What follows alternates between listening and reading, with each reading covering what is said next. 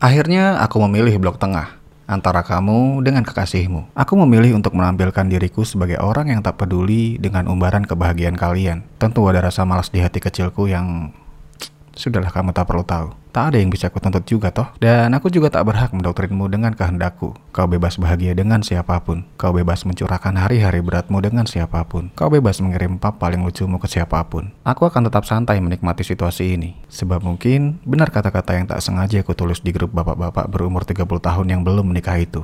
Kadang ada perasaan yang gak harus diungkap. Gak harus dia tahu meski di umur kita ini selalu butuh kepastian. Mungkin memendam perasaan itu adalah semacam terapi agar tetap sadar bahwa tidak semua hal harus didapat. Bisa menangkap maksudku?